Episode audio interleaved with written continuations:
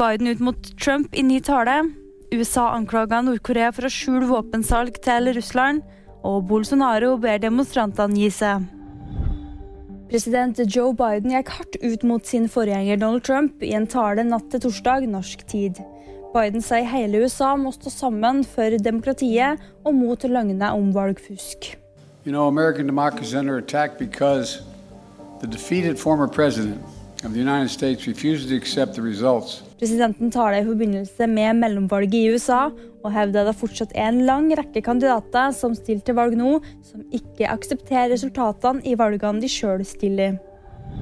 USA anklager Nord-Korea for å skjule våpensalg til Russland. Det skriver CNN, og de siterer etterretningsinformasjon som har blitt nedgradert. Nord-Korea har tidligere avvist anklagene om salg av våpen til Russland. Brasils avtroppende president Jair Bolsonaro ber demonstrantene i landet om å gi seg.